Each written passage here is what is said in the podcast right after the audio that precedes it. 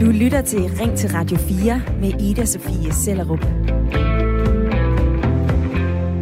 Den danske selvtillid har fået et ordentligt nyk opad ved OL i Tokyo. For i morges, der vandt Emma Åstrand bronze i 200 meter enekajak, og i går, der spillede Victor Axelsen sig til en noget tårvedet guldmedalje. Og på vandet i søndags, ja, der sejlede sejler Anne Marie Rendum sig til en førsteplads i laser radialklassen. Og det bliver da ikke meget større end øh, OL-guld for en sejler, og der skal være plads til store armbevægelser. Der skal der være plads til stor selvtillid, for det er da mega flot. Men øh, prøv lige at høre, hvad Anne-Marie Rendum sagde, da hun lige havde vundet. Jeg tænker jo slet ikke om mig selv på den måde. Altså i dag var jeg jo så nervøs og tænker, at alle de andre, de har jo styr på det, ikke? Og det har jeg ikke, det har jeg ikke selv og sådan noget. Så det, ja, men altså, man tror jo altid, at de andre er bedre end en selv, ikke? Altså, man er jo født øh, og opvokset i Danmark med jantelov, og jeg ved ikke hvad, man skal sige, ikke tro, at man er bedre end de andre, men altså, det var jeg fandme i dag, og det var mega vigtigt. Hørte du også det? Hun nævner janteloven. At man skal satme ikke tro, at man er bedre end andre. Den jantelov, den fik uh, Anne-Marie Rendum skubbet ud over reglingen, og det synes jeg faktisk, hun gør med stil i det her klip. Men samtidig så må jeg også sige, at jeg undrer mig over det her.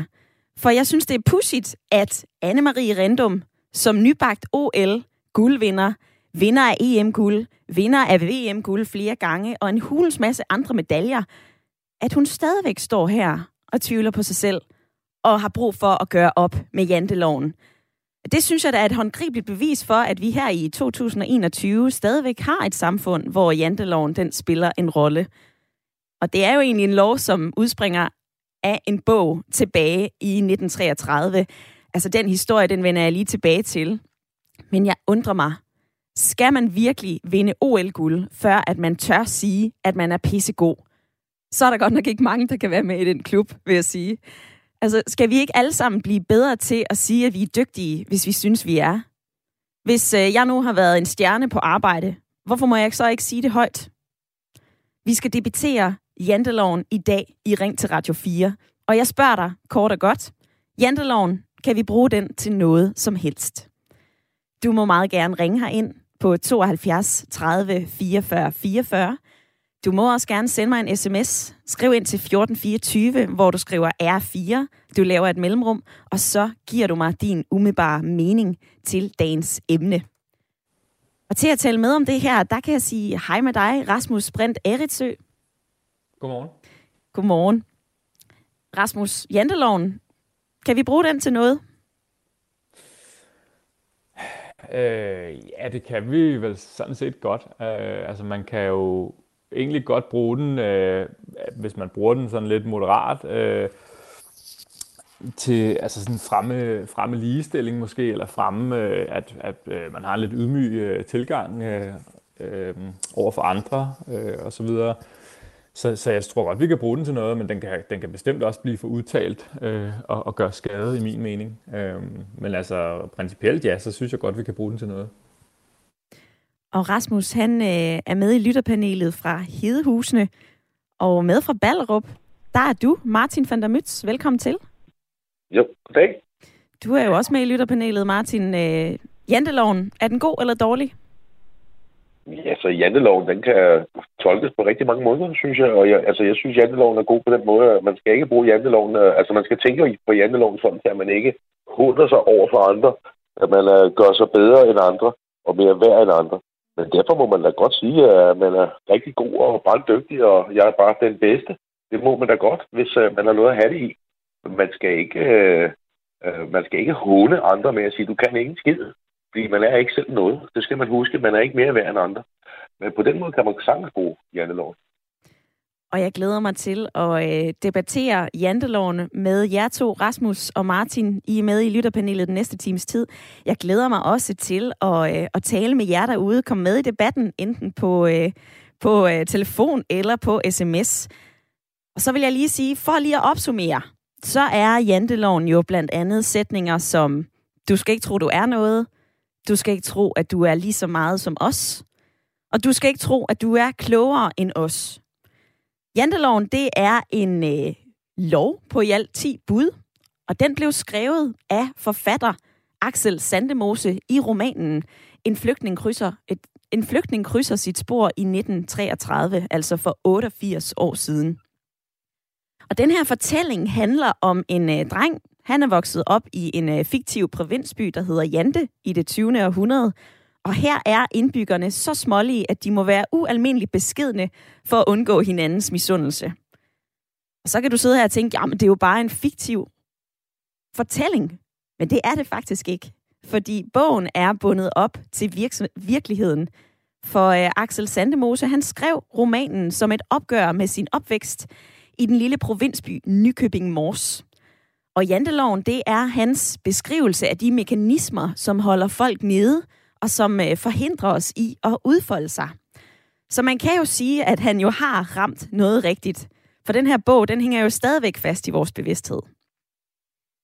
Men øh, nu vil jeg lige sende dig en skruebold, for nu vender jeg den lige om. Jeg vil gerne give dig et andet perspektiv at tale og tænke på. Øhm, og det er, at for mit vedkommende, så har janteloven vist sig at være ret god. Mine forældre, de opdragede mine søstre og jeg med sådan en, hør nu her søster, sæt dig ned, øv dig og kom tilbage igen, når du er blevet bedre. Altså sådan lidt jantelov, vil jeg nok have lov til at sige. Og det gjorde jo noget godt for mig. Det lærte mig, at jeg skal øve mig, og at man sørme skal være god, før at man råber op om det. Så øh, på nogle punkter, så er janteloven vel god at have. Jeg vil meget gerne høre dig i dag. Stik mig din umiddelbare mening, din erfaring. Altså, jeg er 100% sikker på, at du kan byde med. Du kan komme med i debatten i dag. Jeg er sikker på, at du har en holdning til dagens emne. Janteloven, kan vi bruge den til noget som helst? Du kan sende mig en sms. Skriv ind til 1424. Skriv R4. Lav et mellemrum, som du plejer, og så fyr din besked afsted. Du må også meget gerne ringe her ind min øh, gode producer Gustav, han er klar til at tage imod dig ude i regien, og så kan du komme her ind i debatten i et par minutter. Ring ind på 72 30 44 44.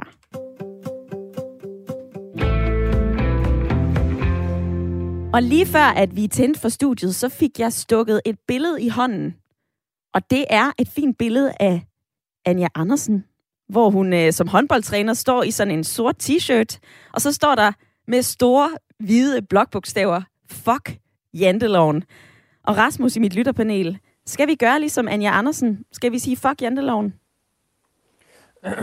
altså, som Martin også var inde på, så kan man jo fortolke den forskelligt, ikke? Og, og øh, altså, hvis man læser den ordret med de der 10 bud, der er i janteloven, så, så, så er det jo rimelig, øh, rimelig øh, hårdt, det der står, at øh, du skal ikke tro, du er noget, og så videre. Men altså, så, så det kan jeg sagtens forstå, at man tager afstand fra. Altså den, den sådan bogstavelige, øh, bogstavelige oprindelse af, af janteloven. Men, men øh, som sagt, hvis man praktiserer den sådan lidt mere øh, moderat, som du også var inde på, med at øh, man måske kan bruge den til at, øh, at, øh, at, at, at lære, at man skal gøre sig umage og, og så videre, så, så, øh, så kan man jo godt bruge det til noget. Ikke? Mm. Øhm, men det kan sagtens blive for meget, helt sikkert. Hvor har du selv stødt på den, janteloven, i din hverdag? Jamen, jeg tror egentlig, at man støder, når man bor i Danmark, man støder nok på den mere, end man måske lige sådan øh, opfanger også, fordi det er noget, vi sådan mere eller mindre vokser op med.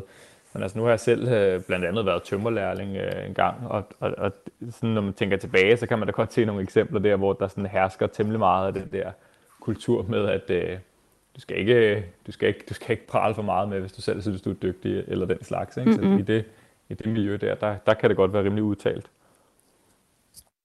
Og lad mig springe over til øh, Martin i lytterpanelet. Altså, jeg står her og kigger på Jantelovens 10 bud, og, øh, og, og bud nummer 9, det lyder altså, du skal ikke tro, at nogen bryder sig om dig.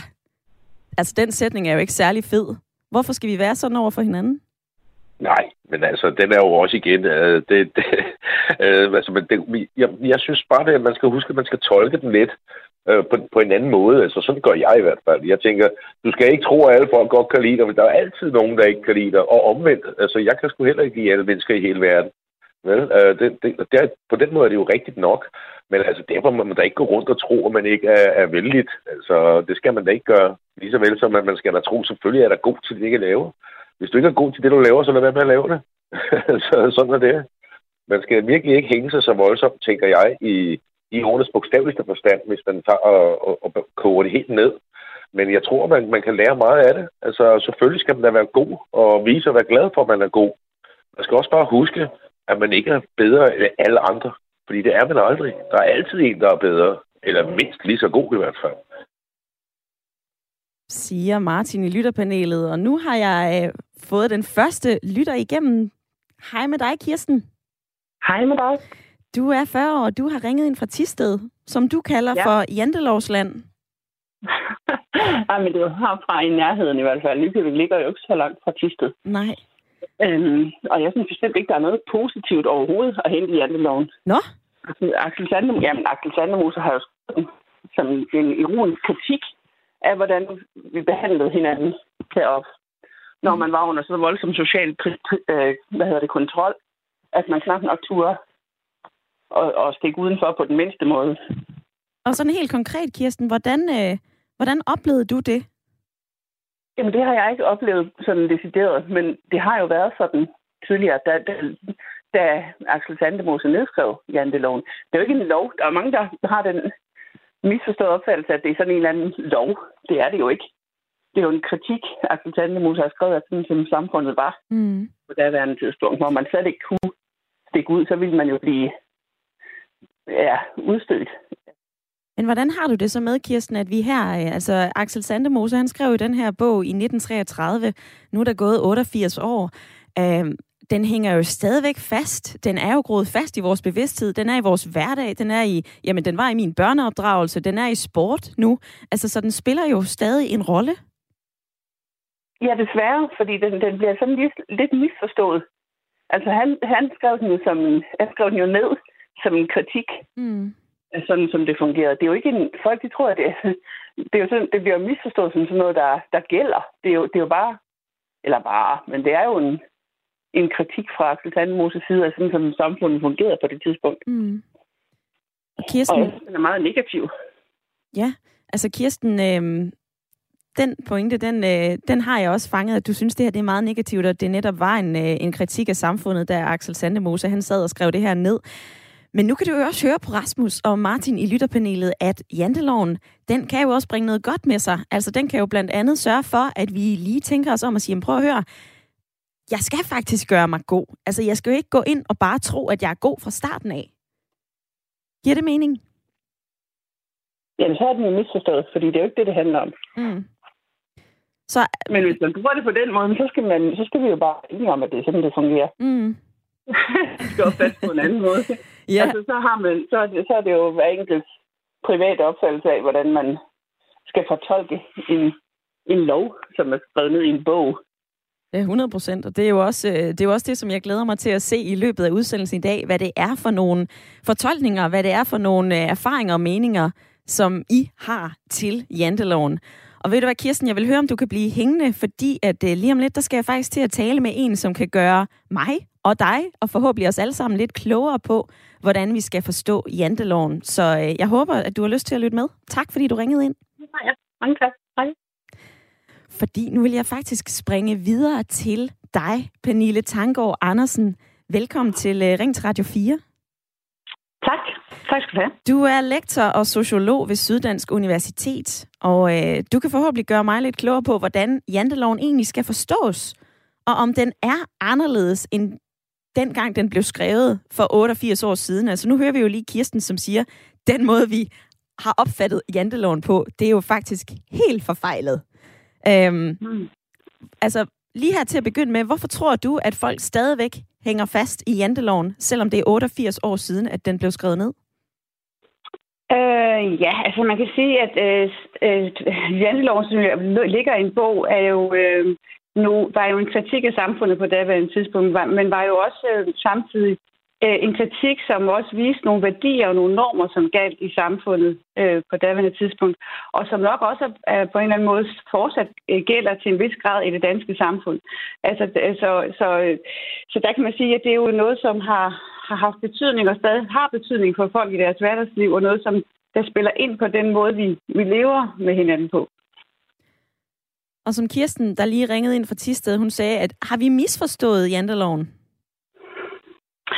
Øh, Øhm, altså, ja, det, altså, man kan sige, det er jo ikke en lov, der er skrevet ned, så, hvor vi, men det er, jo, det er jo sådan indirekte nogle regler og leveregler og normer, som udstikkes, øh, og som, som også var den kritik, han kom med i sin bog. Mm. Som så nogle af dem er jo, har jo overlevet mere end andre måske ikke også. Øh, der er blandt andet det her med, at... Øh, at man, man, skal, man skal generelt have det her forsigtighedsprincip, når det gælder ikke at fremhæve sine egne og prise andres lykke. Man skal sådan være modholden. Man skal jo ikke også? Vi har også andre ordsprog, der siger det samme med hormon står for fald. Ikke? Altså, mm. Så det er jo noget, der ligger sådan, måske også mere i vores sådan, nordiske indadvendte sind eller kristen logik, altså sådan den her beskedne protestantiske etik. Øh, og det passer jo meget godt med nogle af de her ting, som også er formuleret i janteloven. Ja. Og Pernille Tangård Andersen, jeg ved, at du har arbejdet med janteloven gennem øh, mange års øh, forskning. Altså, øh, kan du se, at janteloven er anderledes fra den måde dengang til, hvordan vi bruger den i dag? Ja, altså der er jo ingen tvivl om, at, at at hvad skal man sige, at janteloven, altså det, det, at de værdier og de normer, der, der ligesom også, som man kritiserer i bogen, og som, som udgør janteloven, der er jo nogle af dem, der er overleveret til, til vores øh, tid. Øhm, øh, men selvfølgelig er det også nogle bevægelser. Der er mange modsatrettede bevægelser i det her. Øh, både hvor vi ser, at at der er det her med, for eksempel på arbejdspladser, ikke? at man skal ikke stikke hovedet for, for meget frem, og man skal være en del af flokken, og man skal ikke øh, udvise altså, ypperlig dygtighed, vel? fordi det kan, det kan give øh, måske, altså man, så, så viser man jo ikke, at man er en del af flokken, så man ser noget særligt. Ikke? Øh, men det, på den anden side er det jo også sådan, at at modernitetens logik, altså det her med, at øh, øh, der har været en individualisering i samfundet, der gør, at man i højere grad skal forme sit eget livsprojekt, som man vil, er jo en modsatret bevægelse, hvor man i den grad øh, skal, skal vise sin kunde og bruge alle sine ressourcer og, og sørge for at gøre sig dygtig. Ikke? Så der er jo mange modsatrettede bevægelser i det her. Mm-hmm. Og mens vi taler sammen, så er der også flere, som byder ind på sms'en 1424. Øhm, mm. Der er blandt andet den her Tina, hun har skrevet ind, vi oplever jo en modreaktion på janteloven, hvor især unge er opdraget til at tro, at de er dygtige, uden at være det. Det viser, at janteloven faktisk delvis har en berettelse. Og i øvrigt så er det rart at være sammen med folk, som ikke er selvglade, så måske havde Rendum ikke vundet guld, hvis ikke tvivlen havde vundet hende frem. Med venlig hilsen, Tina. Mm. Øh, hvad siger du til sådan en besked? Det er der vel også en eller anden form for ja, logik i? Ja, altså man kan sige, jeg tror ikke måske, det er, jeg synes, det er meget rigtigt sagt af, af lytteren her, men det er måske ikke nødvendigvis koblet op på janteloven. Altså det er jo måske mere det her med ydmygheden, at man kommer rigtig langt med, man bliver rigtig dygtig, hvis man er ydmyg konstant, ikke? Ja. Så det er måske nogle andre værdier, end det lige måske nødvendigvis øh, kan kobles op på jantelovens øh, principper. Mm. øh, men, øh, men det er jo ikke nok, at, at ydmyghed bringer en langt, øh, og det her med, at man man skal blive med at kæmpe og, og, arbejdsomheden. Ikke? Altså, det er også den protestantiske etik. Altså, det, det, det som regel giver nytte og bonus i den sidste ende. Jeg vil så også sige, at jeg er heller ikke helt enig med hende i, at de unge, de, øh, de bryster sig af alt muligt. Altså, jeg tænker egentlig, at, at man kan se, at der har været et kæmpe uddannelsesløft af den, af den unge del af befolkningen, og vi har nogle, en meget dygtig ung generation, eller nogle meget dygtige unge generationer. Det, der måske strider mod øh, ældre generationers principper, det er selvfølgelig det her med, at de har i højere grad lært modernitetens logik. at de har i højere grad lært, at man skal sælge sig selv, man skal forlange noget, man skal kræve noget øh, til gengæld, ikke? Øh, end man måske ser i efter øh, generationerne. Så det er også en generationskonflikt, øh, der er på spil her, tror jeg. Mm-hmm. mm-hmm. Og øh, ved du hvad, øh, Pernille Tangård, Øh, Andersen, jeg har lige øh, jeg har fundet et klip, for jeg er stusset over det her, og så gik jeg ind på DRDK, og der fandt jeg et interview med Daniel Schulz, som er upcoming mm. musiker. Og han er mm. født og opvokset i, øh, i provinsen. Og prøv lige at høre, hvad han siger til det her. Jeg er jo øh, født og opvokset i Kolding, faktisk lidt uden for Kolding. Altså, det lyder så kliché at sige, men der er bare meget mere jantelov i, i Jylland. Så i Kolding, så hvis der kommer en hen og siger, at jeg vil være superstjerne, så siger man ikke, fuck, hvor fedt. Så siger man sådan, held og lykke. Og den kan jeg kaste tilbage til dig, Pernille Tangård Andersen. Er der mere jantelov i provinsen frem for i storbyen? Øh, altså, det er jo også svært at svare entydigt på. Altså, øh, igen øh, vil jeg sige, at selvfølgelig, altså, hvis vi ser på øh, janteloven og den en krydsning, øh, flygtningekrydsning spor, så, så var det jo en provinsby øh, hvor kritikken kom. Ikke? Også det var, den var skrevet ind i en provinsbys sammenhæng, og det var det her um, et helt andet samfund, end det vi kender i dag. Ja. Øh, så selvfølgelig er der noget med, at måske mindre samfund, der kan der være øh, måske nogle normer og værdier, som som kan være meget disciplinerende øh, på den ene side, men som måske også, der kan også være noget meget rummeligt i de små og mindre samfund, så det er måske ikke så entydigt. For, øh, så, kan, så hvis man skal se på storbyen, så er det selvfølgelig noget med, at i storbyen, der er, der er man jo også en masse mennesker. Der er det jo også en masse mennesker. Der, der kan man også øh, nivellere sig og, og holde sig i det skjulte, fordi at, øh, at øh, der er så mange, ikke også? Og det, og det kan være svært at gøre sig gældende. Øh, så jeg ved ikke helt, om den gælder, men selvfølgelig øh, er der nok det her med, at der måske, måske kan være større udsyn øh, og større kreativitet i, i en stor by, hvor der er rigtig mange mennesker, der kan samle sig om, om, om, om hvad skal man sige, om det segment. Mm. Øh, altså, så til, til dels, altså jeg er ikke helt sikker på, at det er rigtigt. Jeg tror igen, at det kommer utrolig meget på, om, om vi taler hvorhenne i landet, fordi der er også nogen, der siger, at den kreative klasse kan jo lige så vel være nede i øh, Sønderborg og lige så vel i Skagen, som det kan være inde på Østerbro. Ikke? Så jeg tror, det igen skal vi passe på med at lave for stor generalisering. Ja, så det lader vi være med. Det, øh, det vil jeg i hvert fald forsøge at lade være med her i løbet af, ja. af Ring til Radio 4. Men ja. øhm, Pernille Tangård Andersen, lige her til sidst, sådan det mest naturlige øh, 2021-svar vil jo nok være, at øh, prøv at høre, vi skal nok øh, droppe janteloven, vi skal kunne drømme stort, vi skal kunne sige det, vi mener. Øhm, altså, kan vi kan vi lave en eller anden form for, jeg vil ikke sige pakkeløsning, men altså kan vi tage noget af det bedste fra janteloven, og så begrave resten, eller hvordan synes du, at vi skal bruge janteloven her i dag? Altså, jeg vil først og fremmest sige, at der er også nogle positive værdier i de øh, opstillede bus, som janteloven øh, repræsenterer. Altså, der er jo den øh, logik, som også meget eksisterer i vores samfund, og som jeg tror vi også har, har, som vi er kendt for internationalt, og vi er kommet langt på. Og det er jo det her lighedsideal, altså det her med, at at, øh, at vi er et samfund, der er præget og værner om ligheden, og vi gerne vil være ens, så vi gerne vil værdsætte enshed, og, og vi får alle med, altså sådan en solidarisk øh, øh, logik, som også eksisterer meget i det danske samfund. Så der, det, der, der kan også være nogle aner tilbage til nogle af de her principper. Øh, så det synes jeg er en positiv værdi. Øh, og så vil jeg så sige, at jeg tror, at, at der er så meget bevægelse i det, så at, øh, at janteloven, som de stiller op i de 10 bud, eksisterer nok ikke længere. Øh, og, det, og, og vi ser jo også, at modernitetens logik gør, at, at unge mennesker og rigtig mange begynder at tro på deres egne ressourcer og vil frem i livet og sætte deres egen dagsorden. Så, så, så jeg tænker egentlig, at der er rigtig meget opbrud i det, øh, og det, der er mange modsatrettede bevægelser, så det skal nok gå. det lyder godt. Øh, Pernille Tangård Andersen, tak fordi du havde lyst til at være med her i Ring til Radio 4. Det var så lidt lektor og sociolog ved Syddansk Universitet. Og øh, Pernille Tanker Andersen, hun gjorde jo også lidt klogere på janteloven, og det er den, vi taler om i dag. Altså, hvad siger du til det her janteloven? Er det noget, vi kan bruge til noget? Har du ændret dit syn på janteloven? Kom med i debatten. Ring ind på 72 30 44 44. Du må også gerne sende mig en sms. Skriv ind til 1424. Skriv R4, husk lige det der mellemrum, og så send din besked. Og det er der flere, der har gjort. Jeg vil lige læse lidt op for jer, fordi at, øh, der er ret mange fine perspektiver i øh, sms-indbakken lige nu. Morten fra Hellerup har skrevet den her. Jeg tror, at janteloven eksisterer mange steder i verden. Hvis du stikker ud og våger at følge dine drømme åbenlyst, så vil der være mange, som nok skal fortælle dig, at du ikke er god nok, og at det ikke kan lade sig gøre, og at du ikke er bedre end dem. Det kræver mod og hjerte at tørre at gøre noget andet, end det, der ligger lige for. Og der er ingen større fryd, end at se andre mislykkes. Suk. Tak for et godt program. Med venlig hilsen Morten fra Hellerup. Og så har Clemen skrevet den her. Hej, jeg bor i Østjylland, og det har jeg gjort siden jeg var fem år. Og jeg hører mange kritikere af janteloven, end at jeg oplever det. Der er meget fokus på, hvor dygtige man er, vi har fokus på ros, vi har fokus på at være positive, vi laver selfies.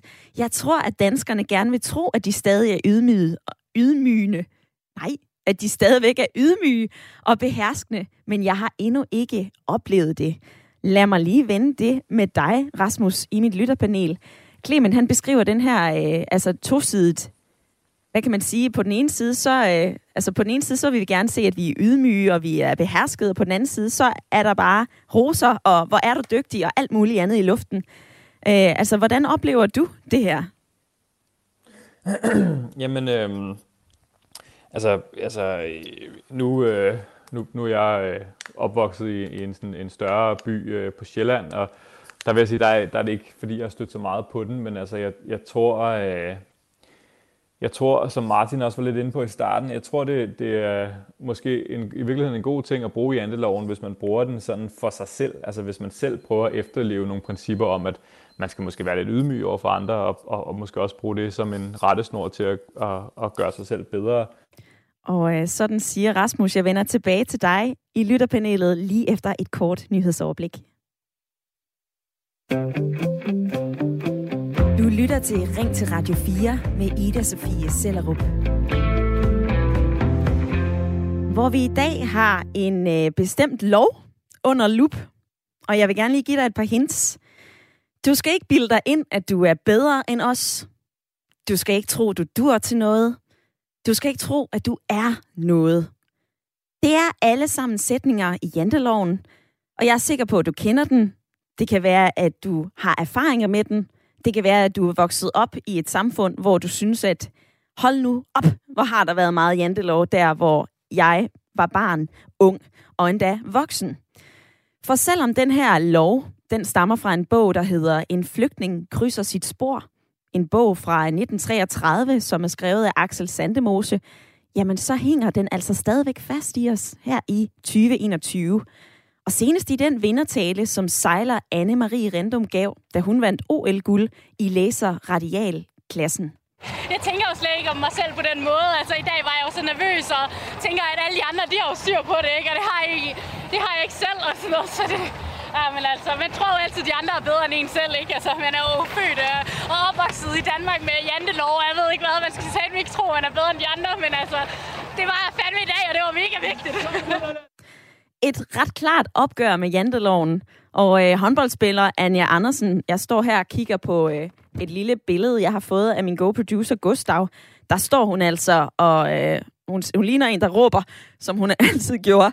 Hun står altså med en t-shirt med store, fede blokbogstaver, hvor der står, fuck janteloven. Og det er det, vi taler om i dag, for jeg spørger dig, janteloven, kan vi bruge den til noget? Og øh, du er velkommen til at ringe her ind på 72 30 44 44. Du må også meget gerne skrive her ind på 1424. Skriv R4 og lav et mellemrum, og så stik mig din umiddelbare mening til dagens emne. Og det er der altså flere af jer, som gør. Clement, han har skrevet den her. Det føles som om, at jantelov er det eneste, danskerne kan finde på at klage over opvækst og sige, at de opnår fordi de har gjort noget imod alle odds. Så kritik af janteloven er en eller anden form for selvpromovering, lyder det fra Clement. Annette, hun har skrevet den her. Der er så mange perspektiver i forhold til janteloven på både godt og ondt, men mennesker må og skal aldrig bøje nakken for mindre begavede personer, der prøver at gøre sig bedre og større på andres bekostning. Ord betyder noget, og i værste fald, så kan man altså knække menneskers selvværd og selvopfattelse måske for altid. Vi spejler, vi spejler jo også i hinanden. Og så var der en anden sms, der gik på, at øh, den her jantelovsdebat, den stikker lidt i alle retninger. Altså, at man kan jo tage og lave janteloven lige præcis sådan, som man gerne vil have den. Man kan fortolke den på mange forskellige måder. Og det vil jeg lige vende med dig i lytterpanelet. Martin, du er stadig med. Ja, Altså er janteloven blevet sådan en, en gummilov, som vi kan strække og trække i den retning, vi nu lige synes, at den passer ind i vores liv? Ja, det, det tror jeg, det er automatisk. Det sker nok med mange andre retningslinjer også. Altså, det, især gamle retningslinjer, ikke? De, de bliver vandet lidt ud efterhånden, jo, kan man sige. Men øh, altså, jeg, jeg ser sådan på det, at en jantelov, den er jo god, som jeg sagde tidligere. Man skal, man skal bruge den til det, synes jeg, at man ikke skal håne andre, at jeg er bedre end dig. Ha, ha, ha. Det skal man ikke gøre, men man skal da helt klart også vise andre, se hvor god jeg er. Altså se nu blive OL-guldvinder i, i sejlads. Altså, det er da fantastisk. Det var stå og sige, nej, jeg ved godt, jeg var bare skide heldig. Nej, det var hun da ikke. Hun var bare meget bedre end de andre. Og det synes jeg er fantastisk, og det skal hun da også bare have lov til at stå og råbe og skrige på dagen. Det skal hun da. Ja. Uden at, uden at gøre det, så bliver man ikke til noget. Og så har jeg lyst til at spille et klip for dig. Altså, øh, Martin, synes du så, at vi skal lade os inspirere lidt mere af, af ham her?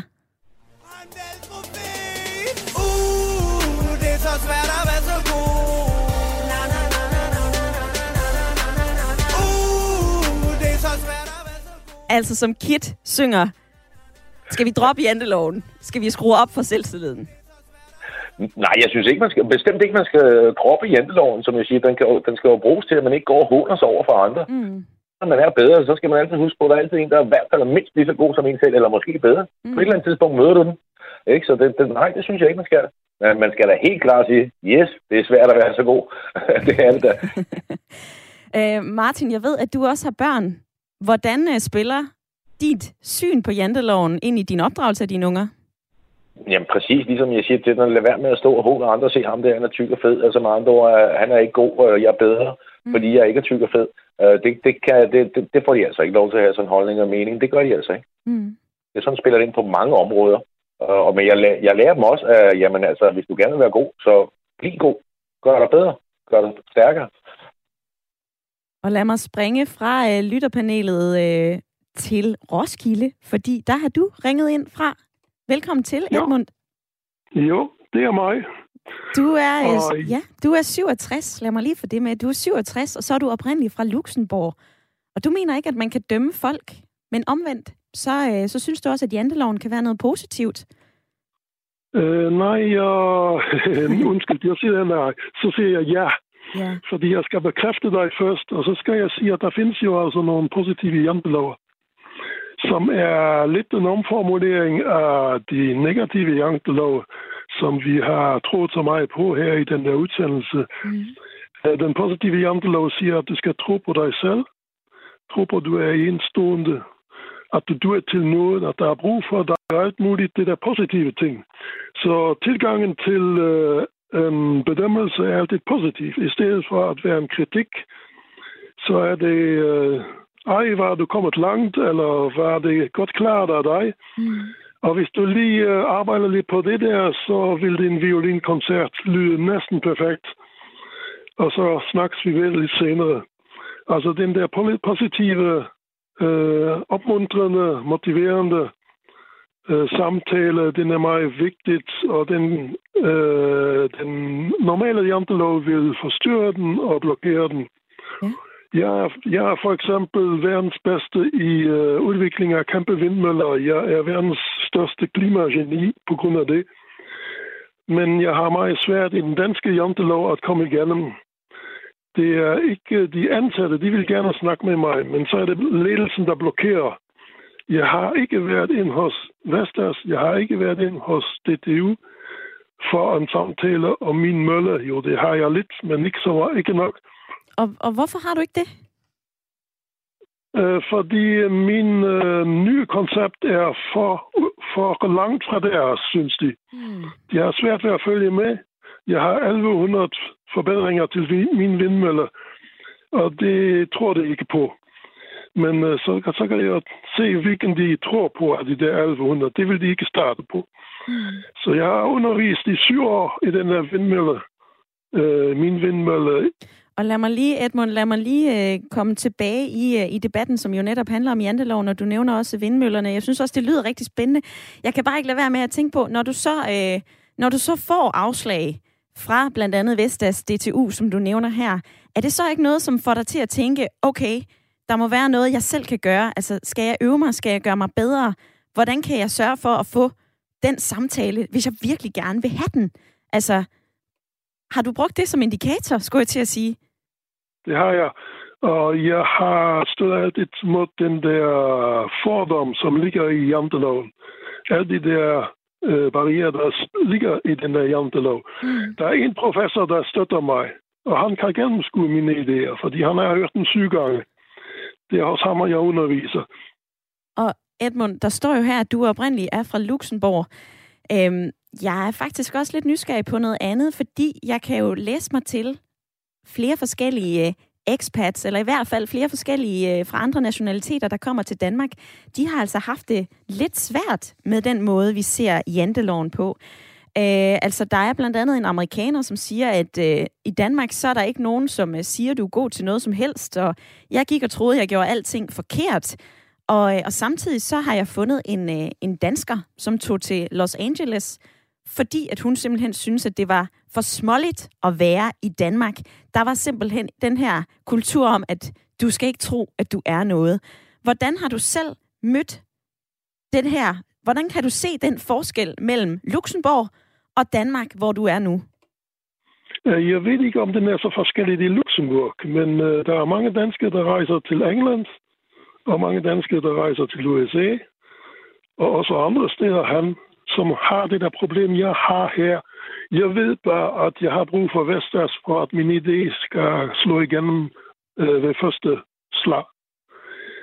Det er kun Vestas, der kan gøre mm. det. Og derfor det er jo en, en lovprisning af Vestas. Men hvis jeg så bliver afvist af Vestas, så siger jeg, at I kan blive dømt for at forsinke og ved du hvad, Edmund, der tror jeg simpelthen, at øh, jeg bliver nødt til at suge videre til, øh, til næste punkt i, i dagens tekst. Men tak fordi, at du havde lyst til at være med her i Ring til Radio 4 og give dit besøg med i en debat, som handler om janteloven. Altså, hvad vi kan bruge den til, hvad vi nødvendigvis ikke kan bruge den til. Og imens jeg har talt med Edmund, så er der flere af jer, som har øh, meldt ind på sms'en. Der er blandt andet den her. Janteloven skaber en fælles overbevisning om, at vi ikke må elske os selv. For når vi ikke kan elske os selv, så bærer vi rundt på et savn, der gør os endnu mere fordømmende og ødelæggende for vores selvværd. Men når vi elsker os selv, så er vi mere rummelige, vi er næstekærlige, vi har overskud til at behandle andre godt, og det at være selvfed og arrogant er jo netop ikke at elske sig selv. Det er en kompensation for dårligt selvværd. En lille psykoanalyse kommer der ind på sms'en, og jeg kan altså læse mig til, at der er rigtig mange af jer, som, øh, som har nogle fine og reflekterede meninger om det, vi taler om. I må meget gerne ringe her ind og sætte ord på det. Det er nogle lange sms'er, så øh, I er velkommen til at skrive ind. I er også meget velkomne til at ringe ind på 72 30 44 44.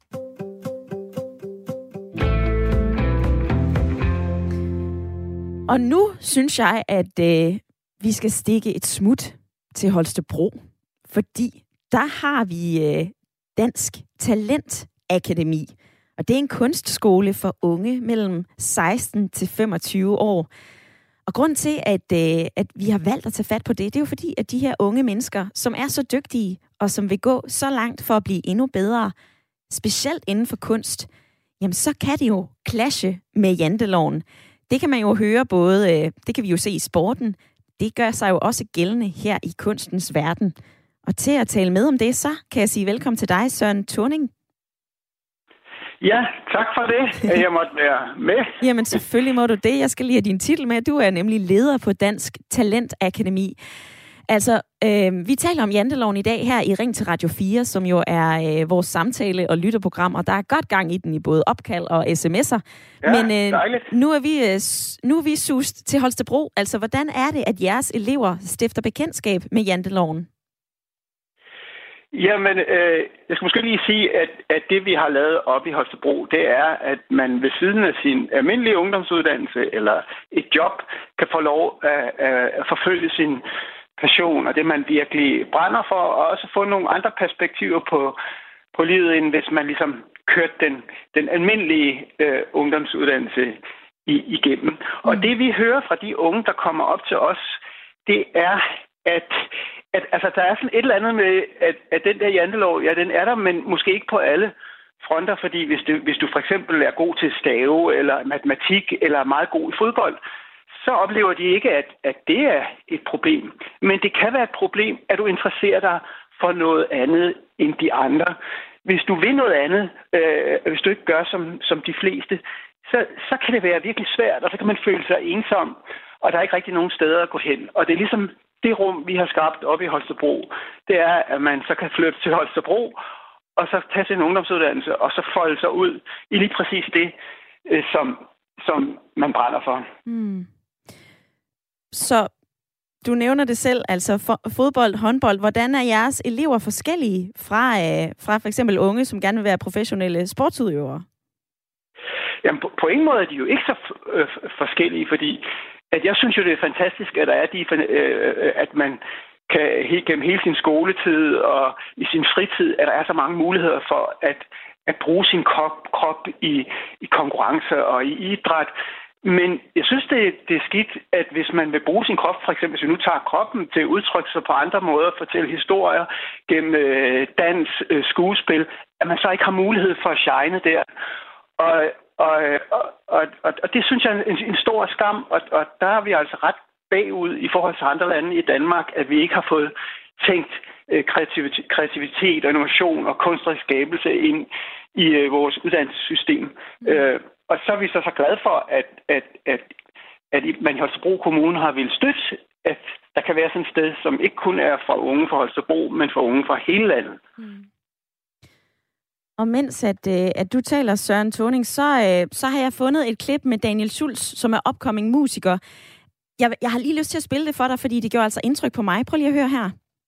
Ja. Om og så langt vi bare få sådan fuld support fra start af. Jeg blev ikke født med, med sådan super musikalske skills. Altså, jeg har bare arbejdet for det. Og alt det, som jeg kan med musik nu, det er noget, jeg har lært og trænet og øvet mig i hver dag. Det, det tror jeg også, jeg kan blame alt den der sådan kritik for.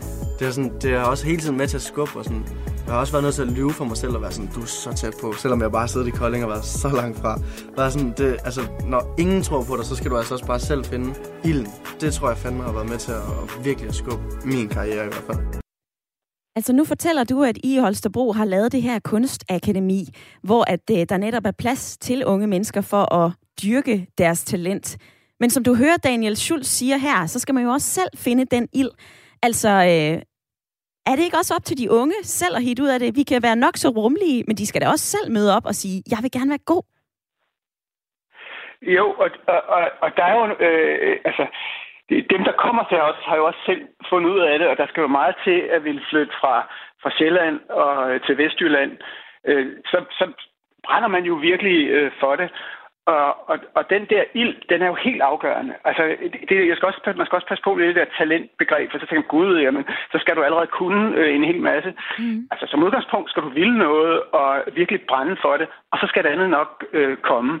Så han er jo et meget sjovt et eksempel på, at, at han sidder faktisk, var det ikke i, i, Kolding, og kan, mm, kan simpelthen gøre det hele selv i, i kraft af sin ild. Men jeg synes jo bare, også der skal være mulighed for sådan nogle unge til også at møde andre unge, som har den samme ild som dem selv. For det er måske i virkeligheden, et, det, vi mærker, at det stærkeste det er, at man kan være sammen med andre unge, som synes, det er fedt, at man, at man kan prøve sig selv af på forskellige måder. Mm. Og, og de ligner jo ikke hinanden. Det er jo sådan, sådan et kæmpe øh, øh, virvar af, af, af drømme og idéer og kompetencer og måder at udtrykke sig på og folde sine interesser ud på op hos os, fordi vi har så mange forskellige kunstarter, og vi arbejder også med kulturelt iværksætteri. iværksætteri. I øjeblikket er der nogle af de unge, der er i gang med at lave en kæmpe festival oppe på, på Stor Havn. Og, så øh, det er sådan at skabe et rum, hvor at vi virkelig hylder øh, forskelligheden, og at, det, øh, at man kan være god på mange forskellige måder. Mm. Det tænker jeg er styrken ved vores sted. Og Søren Toning, det lyder jo som et fantastisk dejligt sted, I har skabt.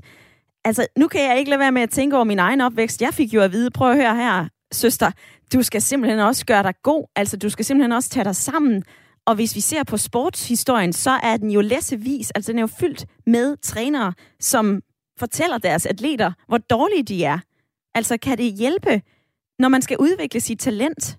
Sådan et lidt bob-bob-ord. Men altså, når man skal blive bedre til noget, er det så ikke også vigtigt, at man får at vide, at man absolut ikke er der? Ja, det, er, det, er det er jo virkelig at, vigtigt, at man har nogen, som, som man kan være i dialog med. Øh, og, og, og så det der med, at man er god, hvad er det i forhold til, er det god i forhold til, hvad, no, hvad nogle andre gerne vil have, du skal være, eller er det i forhold til, hvad du selv, hvor du selv gerne vil hen? Og det der med, at man selv gerne vil et eller andet, lad os nu sige, at man virkelig gerne vil ind på, på, på en skuespilskole, jamen så, så er det jo noget helt andet at, at få vejledning og kritik, fordi det er noget, man selv brænder for. Øh, og der er altså for mange steder, altså i, i, i min ungdom, jamen der var der kun den der mulighed, både på skole og i fri, fritidsliv, at det var fodbold, jeg skulle spille, og det var jeg altså bare ikke særlig god til. Mm. Øh, og, og så er det jo virkelig fedt at få hele tiden få at vide, at man er dårlig, og man har faktisk ikke andre steder at gå hen hvis man er med en del af et, et, et fællesskab med andre unge. Mm. Øh, så, så, så, så, så det at få kritik er jo, er jo det, det, det, det vil man da gerne have, men man vil da gerne have vej, vejledning, så det er der jo i, i sådan set ikke noget i vejen for. Men i hvert fald vil man også gerne have et rum, hvor der er mulighed og, øh, og luft og plads til, at man kan udfolde sig selv uden at føle sig øh, hakket på. Det lyder i hvert fald som et rigtig dejligt sted, ja. I har skabt i Holstebro, Søren Toning. Tak fordi du havde lyst til at være med i dag. Det var samme så lidt. ja. Og lad mig springe videre, fordi jeg har fået en sms fra Kirsten. Hun skriver, Hej, ring til Radio 4. Københavneren i lytterpanelet understreger netop min pointe om, at janteloven bliver opfattet forkert, fejlfortolket, misforstået, når han fremhæver, at man skal bruge janteloven positivt ved at minde sig selv om, at man ikke er bedre end andre. Og det er vel i bund og grund positivt, hvis janteloven er blevet vendt til noget positivt. Med venlig hilsen, Kirsten. Og det er jo dig, Rasmus, som Kirsten hun øh, sender en sms til. Hvad ja. tænker du om den? Jeg ved ikke, om jeg, ved ikke, om jeg er københavner, men det kan da Hedehusene. ja. Jamen, altså jo, jeg, jeg tror, jeg, altså igen, det kommer lidt tilbage til det her med, altså jeg tror i virkeligheden, man kan bruge øh, elementer af janteloven øh, for sig selv, altså på den måde, man ligesom gebærder sig på øh, over for andre, men hvis man begynder at altså, bruge den øh, imod andre og sige, du skal ikke tro, du er noget, du skal ikke øh, tro, du er bedre osv., så, så tror jeg, det hurtigt bliver en negativ ting. Mm. Men hvis man ligesom bruger den som en rettesnor til sig selv, at man skal huske at gøre sig umage, og man skal have en ydmyg tilgang til, til andre mennesker og sådan noget, så, så tror jeg sagtens, det kan være en positiv ting. Siger Rasmus i øh, lytterpanelet, og øh, med fra København, der kan jeg sige velkommen til dig, Signe. Hej. Hej. Du er øh, 42, og du har en australsk mand, der oplever noget øh, bestemt i forhold til danskerne og janteloven. Prøv lige at forklare mig om det. Ja, altså selv så har jeg jo den øh, generelle, at jeg er op, opvokset og følte, at jeg, jeg skulle ikke stikke dig ud, og du er ikke god nok. Men min mand øh, er kommet og føler, at danskere er meget, vi, vi er bedre end andre lande, og vi gør tingene bedre, og øh, ting som den uddannelse, du har fra Australien, jamen, den er ikke lige så god som den, du har fået i Danmark. Nå. Det er, ja. da, det er da ikke en særlig øh, rar fornemmelse at komme til Danmark og få. Altså, Signe, hvorfor tror du det? Hvorfor tror du, at vi er sådan? Øh... Ja, det er svært at sige, hvorfor det er sådan. Øhm, men han er ikke den, øh, eneste øh, udlænding, som jeg kender, øh, der har op, op, der oplever det sådan her. Altså, øh, jeg kender folk, der kommer fra øh, altså både fra Australien, men også fra mange andre lande, som har gode uddannelser og øh, god arbejdserfaring, øh, og så kommer de til Danmark, og øh, arbejdspladserne her siger, ah, nej, de er ikke interesserede, og de kan få job som altså rengøringshjælp, eller levere mad med vold, eller, og det er bare, ja, det er bare som om, at øh, danskerne har den her fornemmelse af, at jamen, vi, vi er bedre. Mm. Øh, I andre fra andre lande skal ikke tro, at, at øh, I er bedre end os. Og nu, øh, altså, så vil jeg jo høre dig, det er jo lidt et åbenlyst spørgsmål, men hvordan pokker kan vi ændre det her, hvis, du, hvis, hvis det skal ændres, hvis det kan ændres? Hvad synes du så, vi skal gøre? Undskyld, den skal jeg lige have igen. Hvad synes du, vi skal gøre for at ændre det her? øhm, jamen, i det hele taget give, øh, give øh, folk en chance, selvom de har et navn, der ser anderledes ud, som ikke er pære dansk.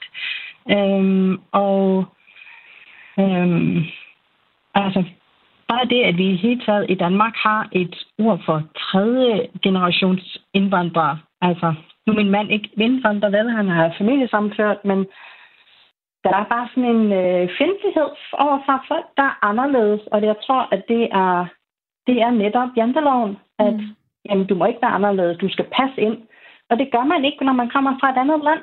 Jamen, så er man ikke ligesom alle andre. Signe, tak fordi at du havde lyst til at være med i uh, Ring til Radio 4 og give dit uh, besøg med. Det var fedt at have din ja. pointe med også. Velkommen.